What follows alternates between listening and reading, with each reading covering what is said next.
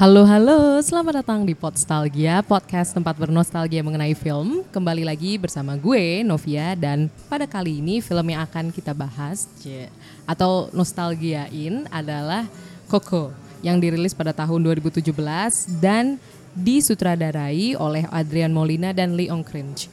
Yuk kita dengerin dulu trailernya.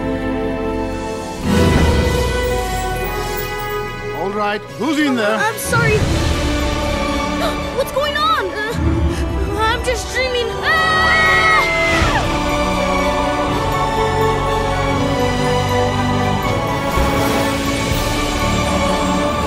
Dante, up! Dante! Dante! You gotta stay with me, boy. We don't know where we are. This isn't a dream then. You're all really out there.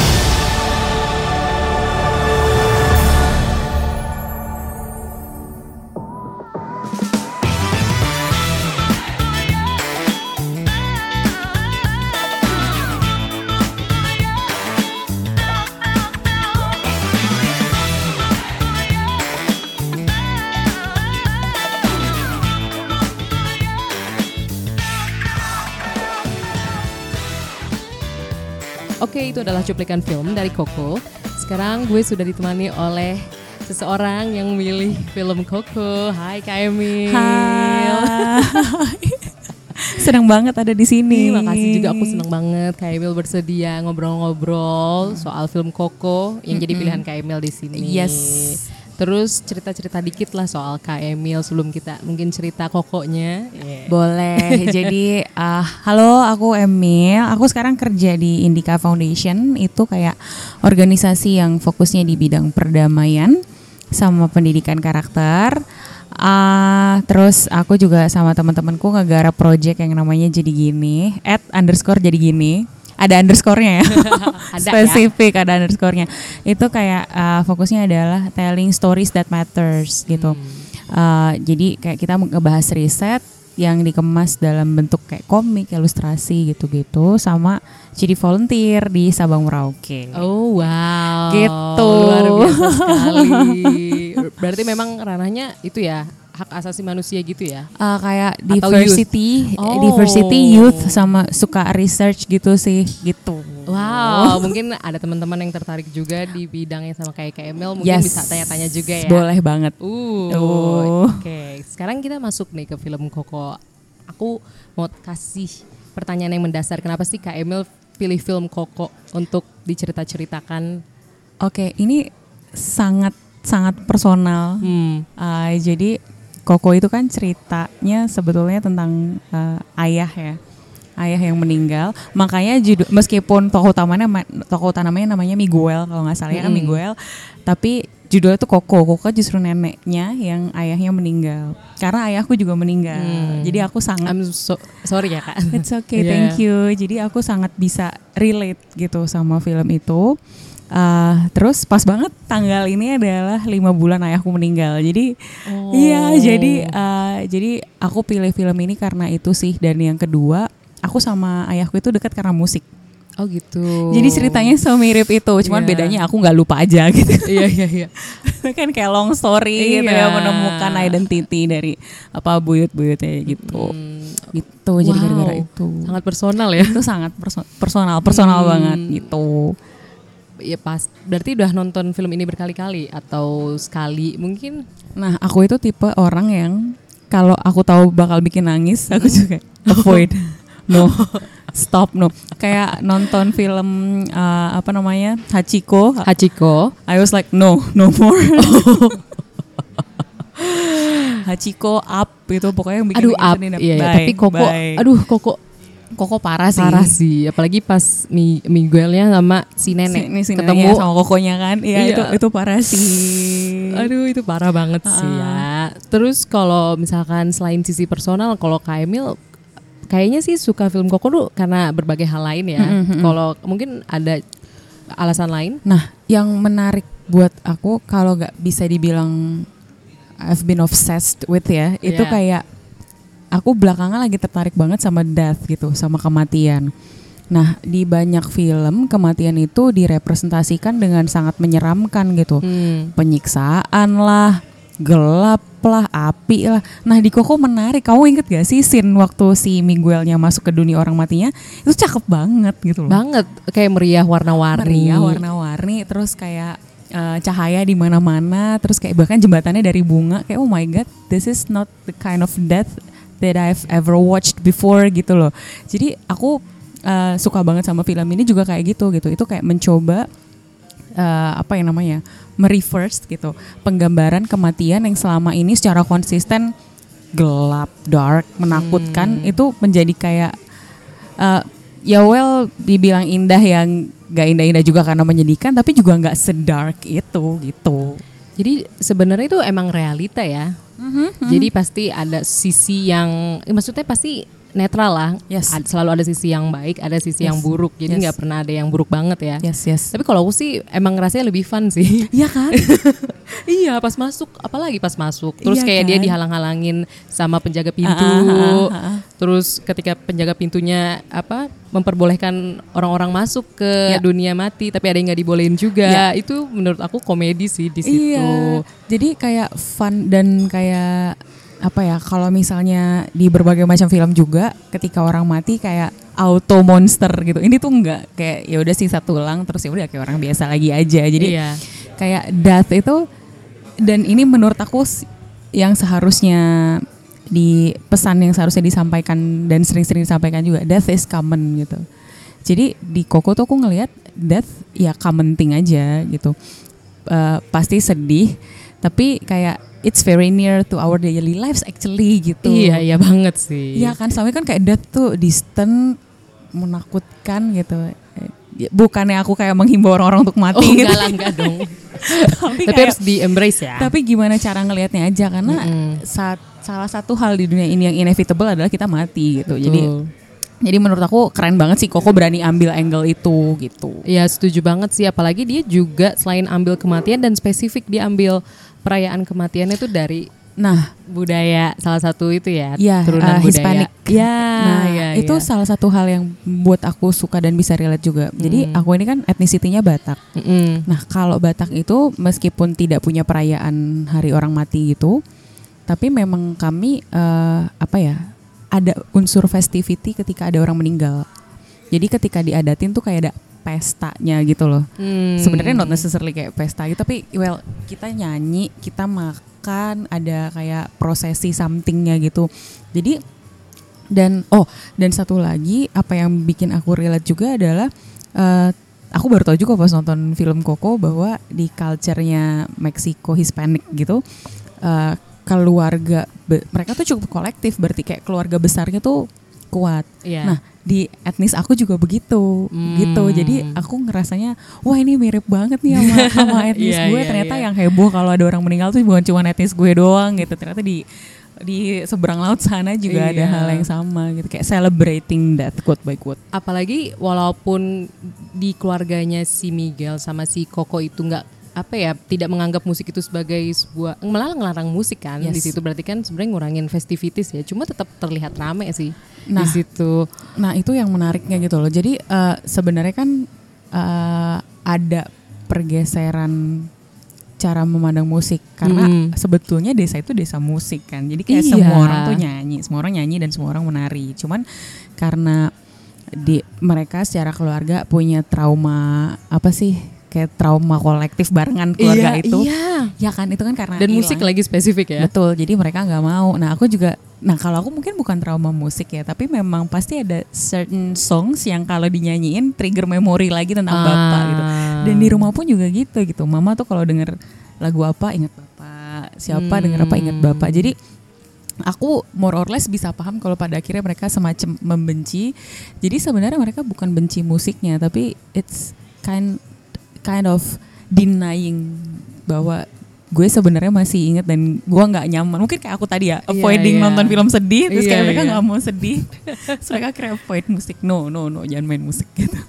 Tapi berarti sebenarnya film ini adalah menerima kenyataan ya sebenarnya Iya, kenyataan benar, pasti pahit dan kalau di keluarganya si Coco sama Miguel ini mereka kan sebenarnya menyangkal kenyataan itu kan dan Ya. berarti kan sebenarnya hidup mereka tuh punya rahasia tersendiri Yes. kan. Dan aku rasa itu terjadi di semua keluarga gitu loh. Kayak Iya sih. pasti ada hal yang orang tua nggak tahu tentang anak, ada hal yang anak nggak tahu tentang orang tua gitu. Dan eh, aku eh, concernku adalah di zaman sekarang jarang sekali diskurs film yang ngangkat itu gitu, yang ngangkat eh, dinamika keluarga. Padahal ya semuanya apa sem- kayaknya sih semua keluarga mengalami itu. Iya. Jadi jadi pasti aku juga ngerasa pasti banyak yang bisa relate sama si Koko ini. banget sih. Mm-mm. Ya, eh, aku juga karena keluarga besar aku juga cukup dekat Mm-mm, dan mm-mm. maksudnya kolektif bahkan kayak om tante itu Mm-mm. juga ya udah eh, memang terasa deket aja walaupun aku juga kaget sih beberapa temen juga ternyata menganggap om sama tante ya udah saudara aja. Tapi bukan saudara yang benar-benar dibela-belain gitu atau kayak orang tua atau kayak kakak atau adik gitu. Makanya aku juga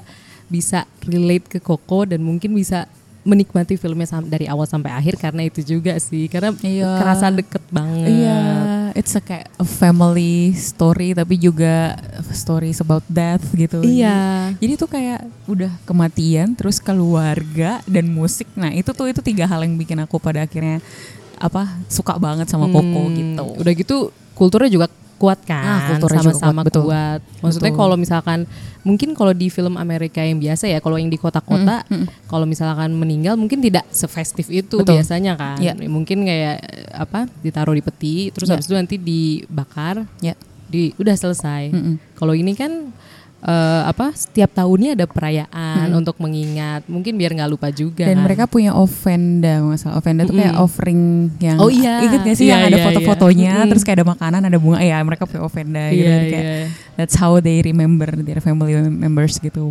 Dan bahkan sosok yang penting pun juga eh, seperti penyanyi si Ernesto de Hmm, la Cruz Ernesto, itu iya. kan eh, kuburannya juga besar. Yes. Bahkan ada rumah sendiri semacam Yes. rumah sendiri terus ada patungnya kan. Iya betul betul betul. Itu berarti mungkin apa udah kayak keluarga sendiri kali ya sebenarnya si Ernesto ya. Dan mungkin nunjukin status sosial kali ya. Ernest kan Hmm. dianggap uh, apa uh, artis hits dari desa itu Iya, kan, Iya. yang pengaruhnya besar gitu, yang sebetulnya dia bohong anyway, tapi kayak ya tetap itu kayak itu nunjukin status sosialnya dia gitu. Iya sih. Hmm. Dan di situ juga sebenarnya jadi memperlihatkan kontras juga nggak sih antara Ernesto sama bapaknya si Coco. Iya. Karena sebenarnya kan bapaknya Koko tuh juga bertalenta juga kan Iya, sama iya. kayak Ernesto cuma Iya. bapaknya Koko tuh ingin kembali ke keluarga karena dia Iya. kan prioritasnya balik ke keluarga kan Oh my god, jadi sedih loh. Aku jadi sedih juga gitu. Tapi ya itu juga, nah itu again gitu, satu hal yang deket juga sama kehidupan sehari-hari. Hmm. Sering gak sih kayak orang tuh lagi milik dihadapkan gitu ya milik karir atau keluarga gitu. Uh. Karena nggak semua orang punya privilege untuk bisa mempertahankan keduanya ya nggak sih? Iya, betul banget. Kayak most of us living with option B gitu. iya dan aku kemarin tuh baru banget nonton film Ed Astra Hmm. yang Oh, dibintangin Ad Astra, Iya, iya. itu udah nonton nggak Oh, belum sih, Ah, tapi coba, I know ya. Karena Bagus ya. Ya. Oh, oke. dan itu memang filmnya salah satu cerita intinya ngebahas antara pergulatan karir sama keluarga juga Nah, Wah makanya pas ngomongin Koko nih pas banget nih ya. Aku kemarin baru Hmm. nonton karena di situ eh, diperlihatkan dilema Brad Pitt apakah dia tetap lanjut karirnya sebagai astronot tapi dia juga selama menjalankan karir sebagai astronot tuh dia keinget terus sama pasangannya. Nah. Keinget terus dia lagi tidur terus kayak banyak montaj-montajnya itu itu aku sih kerasa kayak wah dia berarti kan nggak belum nggak lepas nih di kerjaannya dia. Karena menurutku tuh kayak eh, memilih antara keluarga sama karir itu kayak memilih antara dua koneksi yang sama-sama kita nggak bisa lepas kayak keluarga itu kayak koneksi ke orang lain terus kayak eh, pekerjaan tuh kayak koneksi ke diri sendiri gitu. Hmm. Jadi pasti dilematis dilematis banget gitu.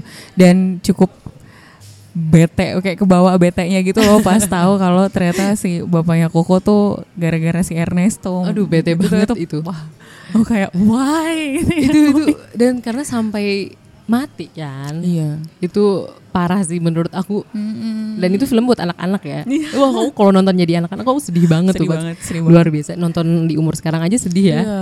gimana kalau misalkan masih kecil Aku pas nonton kayak enggak enggak bakal nangis tegar kok tegar gak bisa.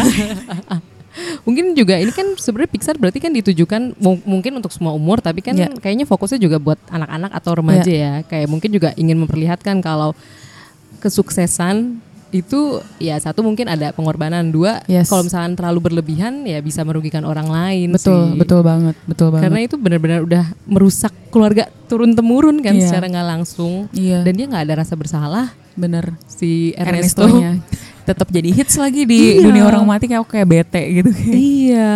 Gue gila bahkan sampai dunia orang mati pun semua semua dap, itu kena sama kebohongan lo gitu iya, karena banget. Hmm. musik nggak sih musik yang dia apa produce gitu, walaupun ternyata tulisan iya bapaknya, bapaknya bapaknya bapaknya Miguel long lasting ya. Ah, ah. dan itu juga sih ah, apa yang aku lihat juga antara bapaknya Koko Mm-mm.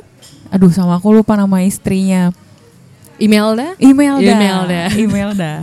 Imelda ya betul. Nah eh, aku ngelihat bahwa by the end of the day gitu meskipun mungkin nggak semua nggak semua keluarga mengalami kasus ini gitu ya kayak by the end of the day nggak peduli gi- gimana pun konfliknya gitu ya eh, pasti keluarga tuh nemu aja gitu loh jalan buat baikan lagi gitu Iya, setuju. Ya kan, itu itu tuh kayak ngerasain juga sih marahnya Imelda. Gila lo udah ninggalin keluarga buat karir, anak lo waktu itu masih kecil Iya, segala iya, macam, iya. terus lo pergi, gue juga nggak tahu lo mati kenapa segala macam gitu. Sekarang lo mau minta maaf gitu, tapi ya akhirnya pun baikan juga gitu loh.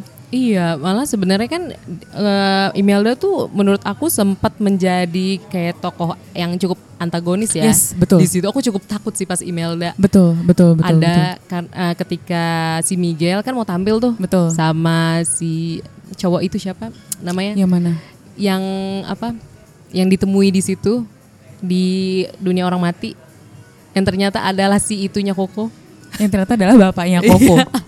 Wah, aku lupa namanya. Oke, itu bap- oke Miguel dan bapaknya Koko. Betul. itu pas mau nyanyi itu kan satu keluarga yang udah meninggal itu kan bersatu buat jangan sampai nyanyi gitu kan Mm, itu takut banget sih di situ dikejar-kejar kan si kokonya Betul, iya. Di, di ko- uh, kokonya dikejar-kejar karena kayak emang udah kepalang benci. Bencinya tuh kayak benci turun temurun gitu loh. iya deh kayaknya ya Kayak udah benci temur. Jadi karena, ada kabar juga Karena si Hmm. Imeldanya menganggap bahwa ini semua karena musik gitu loh. Iya ini semua karena sih. ini semua sih karena lo berkarir di bidang musik lo akan ninggalin keluarga lo DL DL gitu. iya iya Gitu. Jadi iya sih. makanya juga ambilnya bidangnya yang gak ada sangkut pautnya sama musik ya Sepatu. itu lucu sih Hah? Terus aku sayang sayang gitu. Oh my god, anaknya suaranya bagus gitu. Miguel suaranya bagus. Iya. dan dia bisa main gitar juga kayak natural juga ya itu juga itu juga common banget gak sih kayak anaknya punya talent terus kayak kamu jangan di situ gitu. Iya, iya. Kayak, Dan hmm. secara maksudnya benar-benar dilarang gitu loh. Mungkin kan sebenarnya juga oke kalau dia bisa bikin sepatu, tapi dia juga tetap bisa bermusik. Ya. Jadi kalau dia misalkan bosen bikin sepatu kan dia bisa main musik ah sebentar. betul jadi kayak nggak nggak serta merta sama sekali dilarang tapi mungkin ini emang different story kali ya kayak Iya. ada ada masa lalu yang Iya sih kelam sampai turun temurun kan karena kan dari Imelda terus ibunya Koko sampai Koko itu terus kena kelihatan grumpy juga gitu semuanya itu bener-bener. Tapi berarti Koko doang yang nggak tahu rahasia kan sebenarnya. iya Yang lain udah pada tahu. iya bener Apa mungkin dianggap belum siap kali ya? karena masih kecil kan pas itu posisinya Iya kan dia sih. ditinggal pas ah sedih Iya sih makanya tuh sebenarnya. kayak aku ngerasa eh, apa namanya instead of instead of Miguel makanya yang tadi aku bilang instead of judulnya Miguel kenapa judulnya Coco karena emang it's a story of gimana Coco pada akhirnya nemuin lagi bapaknya tuh sebetulnya ke mana gitu Iya sih. Nah, aku juga ngerasa sebetulnya uh, the way we remember uh, orang yang udah pergi itu kayak eh, itu jadi sih aduh gimana jelasin ya. Jadi kayak si Koko itu mencoba mendefinisikan hidup dengan cara yang berbeda gitu. Jadi kayak hidup kan emang ada definisi ya udah kita bernafas, kita bergerak jadi kayak fisik sama uh, jiwanya gitu hidup gitu nyala otaknya nyala. Tapi kayak definisi hidupnya di Koko itu kayak selama lo masih ingat orangnya, orangnya tuh hidup gitu. Hmm. Entah mau ada di mana kek. Karena kan kalau di Koko tuh kal yang akan hilang di dunia orang mati adalah yang sama sekali udah nggak ada yang inget lagi sama dia. Ingat kan? Iya, iya. Gitu. Jadi aku kayak ngerasanya eh, mau gimana mau udah pergi pun kalau misalnya lo inget ya dia bakal tetap ada tetap hidup quote by quote. Dan itu aku juga ngerasa sih kayak aku dipesanin gitu sama temanku "Eh, Mil kalau eh, bokap meninggal sedih lo bakal hilang tapi kangen lo tuh bakal ada terus dan lo malah justru pasti ngerasa semakin dekat sama bokap gitu Hmm. Terus aku oh, masa sih gitu kan Terus kayak aku ngejalanin kayak iya bener ya Karena lama-lama tuh aku jadi kayak ketika bingung gitu Nih si bap kalau si bapak ada dia bakal ngomong apa ya Nah itu tuh yang bikin yang bikin jadi keinget terus gitu loh Jadi kayak aku mengaminkan caranya si uh, film Koko ini mendefinisikan kembali yang namanya hidup di quote hidup gitu. Wow. Sedih ya, oh my god, maaf ya Iya. Melo, abis filmnya Melo. Ih, gak apa-apa kak. Aku justru sangat senang dengernya, Hmm. senang mendengar kesedihan kemeloan ini loh. Enggak maksudnya senang karena ya itulah hidup ya kak. Mm-mm. Dan berarti kan Koko sendiri dia tuh menyimpan memori dia sampai tidak mau berbagi memori soal ayahnya kan? Iya, iya, Sampai ke anak-anaknya pun kan nggak Iya. tahu kalau dia punya foto ternyata. iya. Berarti sangat Mm-mm. Oh my god, aku merinding. oh, iya. Oh, nama bapaknya Hector. oh iya. Hector, oh my god. Kok lupa? Oh, aku ingetnya Dante, Dante mah anjingnya, ya ampun. Dante anjingnya. Keinget Hector, Dante Hector. Alighieri ya. Ya, Dante. Hmm. Dante Alighieri. Emang, Loh itu anjingnya bukan bapaknya, Iya, bapaknya Hector, ya, ya, Hector. bapaknya Hector, Hector. Hector dan Mama Ernesto, Imelda. Imelda dan Miguel dan Coco. Lucu ya Coco ya Mm-mm. namanya. Namanya Coco. Mm-mm.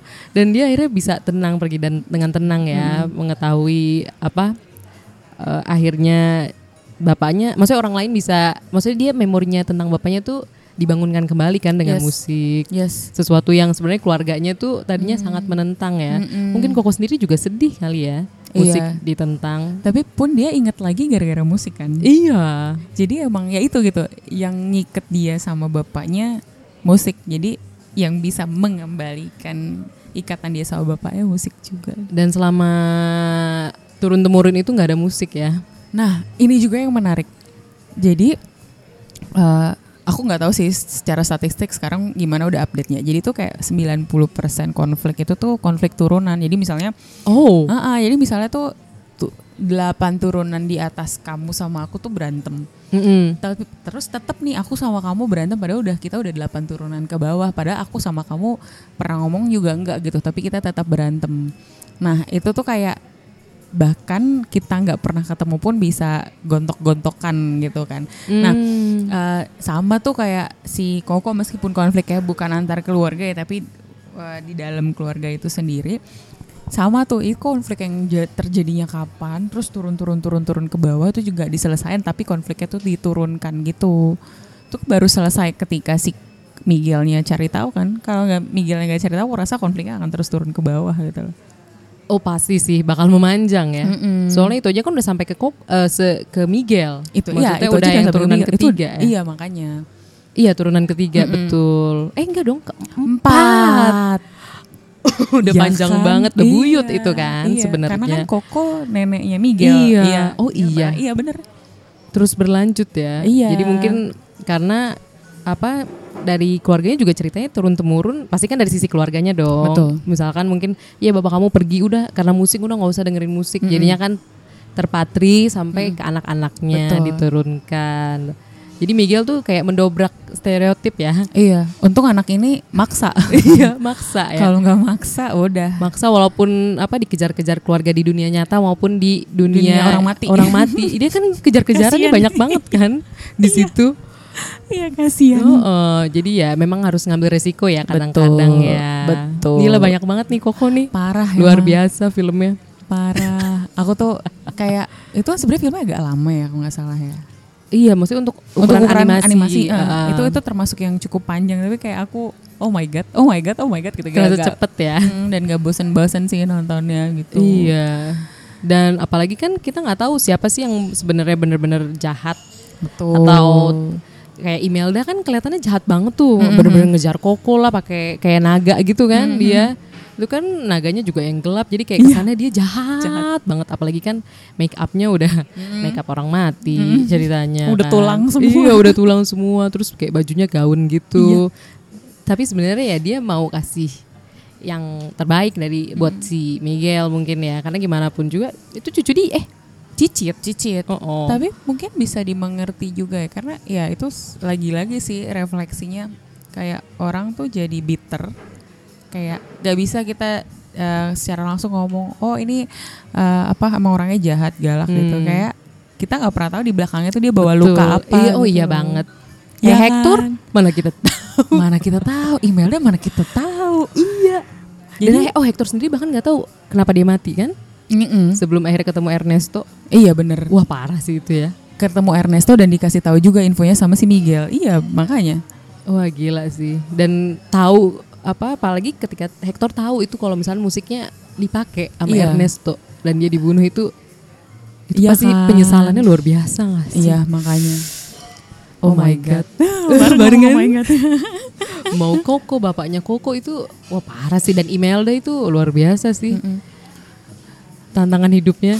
Iya makanya kayak kalau misalnya cuma sepintas mungkin emang bakal oh my god galak banget gitu. Hmm. Tapi kalau misalnya kita akhirnya tahu kan, maksudnya cerita hidupnya gimana dan apa yang Iya. dihadapi gitu. Aku nggak kebayang juga sih kayak anak kecil terus ditinggalin kan dia kayak merasa ditinggalkan ketika lagi besarin anak gitu. Ya mungkin ada beban yang dia tanggung Betul. dan lain sebagainya gitu.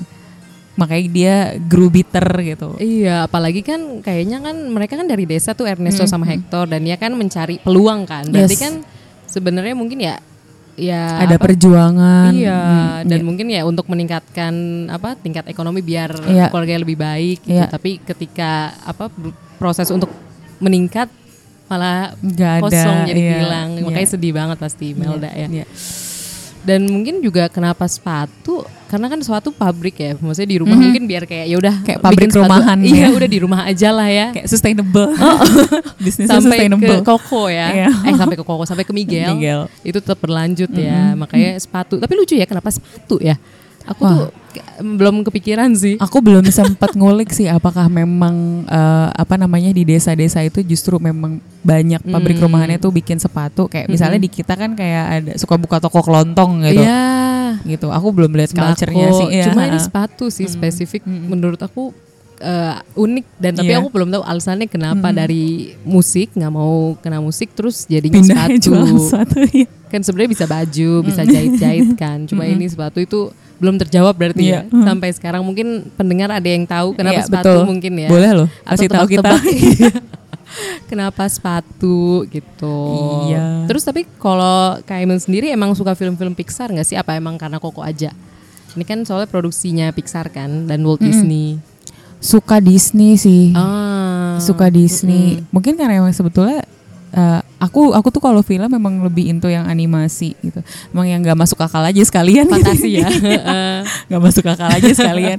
Terus ya sama dan menurut aku tuh kalau yang animasi again ya musiknya tuh bagus Hmm. Oh iya sih. banget ya. musiknya tuh Setuju. bagus banget kayak awalnya tuh gara-gara itu tapi lama-lama emang dive into the story-nya juga sangat menikmati Apalagi musikal ya. Mm-mm. Jatuhnya kan. Mm-mm. gara-gara itu sebenarnya Hmm, Gitu. Berarti emang apa karena musikalitasnya ya Heeh. yang ada. Heeh, tapi ya makanya eh, cuman sejauh ini ya itu yang paling ngena mungkin gara-gara saking personalnya ya Iya, gitu. Jadi jatuhnya tuh malah ke Koko yang aku apa sih ngena banget. gitu. Ah, tapi kalau film-film animasi lain mungkin kakak bisa sebut yang mungkin kakak juga suka gitu.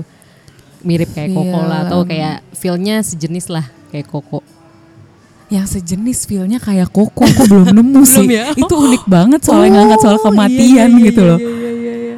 Iya, unik banget. Berarti seunik itu dong Koko ya. Menurut aku iya karena Hmm. eh, apa namanya apalagi ngangkat kayak kalau kalau film soal dunia orang mati mungkin mungkin dia pa- pa- pastinya dia bukan yang pertama gitu dan dan pasti udah ada yang pernah ngangkat culture Hispanic juga gitu tapi kayak bridging antara dari hidup ke mati Hmm. ke hidup lagi gitu itu tuh jarang dan eh, apa namanya aku baru ngelihat sih mungkin ya emang karena aku aja yang kurang referensi ya tapi aku baru ngelihat sevivid itu digambarin soal aku suka imajinasi dunia orang matinya gitu Oh ya. Mm-mm. Aku juga belum kebayang lagi sih dunia orang mati yang sehappy itu. parah itu bagus banget aku nggak paham lagi Paling kayak dunia orang mati entah wujud surga atau neraka sih. Biasanya Iya, kayak biasa gitu. kayak gitu kan mentok kayak nggak pernah bahas nggak pernah kebayang itu bentuknya sebenarnya kayak kota Iya, Iya kan? itu kan kayak kota baru sebenarnya. kayak kota baru aja Tapi ya lebih imajinatif gitu kan. Bener, bener banget. Aku tapi suka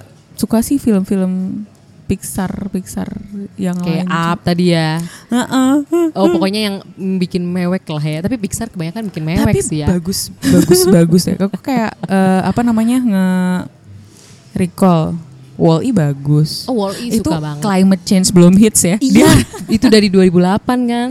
Kayak tapi bikin bikin takut sih. Aku pertama kali Aku nonton. takut. Aku, itu itu berhasil. iya berhasil. Ih takut jadi gendut gitu Iya, kan. nggak bisa jalan. Iya, nggak bisa jalan. Terus, dari HP. sampah semua dari Iya. HP.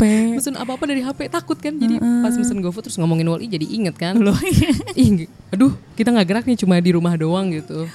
Terus kayak dia kan sebenarnya as in kasta robot gitu ya. Iya, Itu kan iya, nggak iya. canggih-canggih banget gitu. Cuman kayak keren keren keren banget sih pada si Wall itu. Iya ya. Terus itu aku cukup berhasil loh si Wall itu ngegambarin bumi yang hancur kayak udah sisa sampah semua doang gitu kayak oh my god kayak ini mungkin ya ini it's freaking 2008 sekarang Iya, Sekarang udah 11 tahun yang ngal- eh, udah berlalu. mungkin kata sutradaranya Wall E ngeliat kita kayak mana aja loh gitu. Iya. Terus itu bener-bener manusia di space kan dan dia ya udah lewat alat aja ya kan? lewat alat terus sambil mesen entertainmentnya. Ya, parah sih. All in one kayak HP zaman Iya, sekarang. Oh my iya, god oh itu my God. sangat Loh. futuristik. Jangan-jangan loh iya iya iya hebat ya Pixar ini ya. Parah. Maksudnya Coco juga kan dia bukan zaman modern juga kan. Maksudnya bisa ngasih film yang sangat tematik. Mm-mm. tapi feelnya juga mirip-mirip gitu tetap bisa manusiawi dan kayak menggetarkan Iya. gitu Incredible aku juga suka ah yang screen slaver Oh, tapi satu dua suka. suka Oh. suka cuman lebih suka yang kedua sih Oh iya. Iya, nggak tahu kenapa. Mungkin karena pertama isunya yang tadi screen slaver Mm, itu. Terus kayak screen, screen slavernya tuh kayak menurut aku ya nggak. Aku suka ini dinamika karakternya kayak nggak screen screen slaver itu pure jahat. Ah. Terus yang di Incredible-nya pure baik gitu. Iya, Aku iya banget ya, Bang. Aku sempat kesel loh sama kayak beberapa apa percecokan antara Mis- Mister sama Mrs. Incredible-nya di situ apalagi anak-anaknya mulai gede kan di situ. Iya sih, Jadi Pixar tuh love banget. Aku nggak ngerti lagi sih kenapa kenapa bisa kayak gitu sih Pixar kayak how could you gitu. Iya sih. Oke, Kak Emil, Iya. seneng banget sih ngobrol-ngobrolin soal Coco dan beberapa sentilan-sentilan mengenai film Pixar. Tapi em, sudah menyentuh durasi, ya. Iya. mungkin any last words gitu. Buat teman-teman mungkin yang belum nonton film Coco, tapi biasanya udah nonton sih kalau udah dengerin sih. Iya, iya ya. Tapi pokoknya teman-teman eh, nontonlah Koko buat yang belum atau kalau yang kangen nonton lagi fix nggak bakal bosen karena dari situ kayak kita dapat hal yang esensial tentang kehidupan yaitu kematian. Mantap. Mantap. Mantap. Gila-gila. Dan ini film Hispanic yang full castnya juga sih ya. Yes, bener suka. Oh, oh. aku terakhir tuh ingat film Spy Kids. Kan Hispanic semua tuh kebanyakan. Oh ya true. Antonio Banderas lah, Betul. terus anak-anaknya Carmen itu kan. Been a while ya sampai ada Koko lagi. Iya, terus Robert Rodriguez juga kan Hispanic apa Meksiko malah. Dan ada lagi Coco. So happy. Iya. Iya, jadi fix banget teman-teman buat ngeliat culture yang lebih beda juga. Em, biar apa ya lebih beragam aja juga ya. Yes. Oke deh, thank you banget Kak Emil Thank you udah banget sharing-sharing udah di diundang sini. ke Podstalgia. Thank you. Mungkin buat temen-temen yang pengen kontak-kontak Kak Emil, mungkin Kak Emil bisa share sosial medianya. boleh ke IG at Emiliats Emilia TS disambung semua. Oke, itu Ayo di ngobrol-ngobrol Instagram di ya. IG betul. Sip. Terus tadi juga ada underscore jadi gini ya. Ya, at Wis. underscore jadi gini, ada underscore ya guys. Oke, at Emilia TS dan at underscore jadi gini. Oke, buat teman-teman Podstalgia yang mau, mau kasih kritik, saran atau komentar lainnya bisa langsung hinggap di Instagram dan Twitter dari Podstalgia di @podstalgia atau langsung email ke podstalgia@gmail.com. Oke, ini adalah akhir dari episode Koko. Terima kasih sudah mendengarkan hingga titik ini dan sampai jumpa di episode selanjutnya. Bye bye.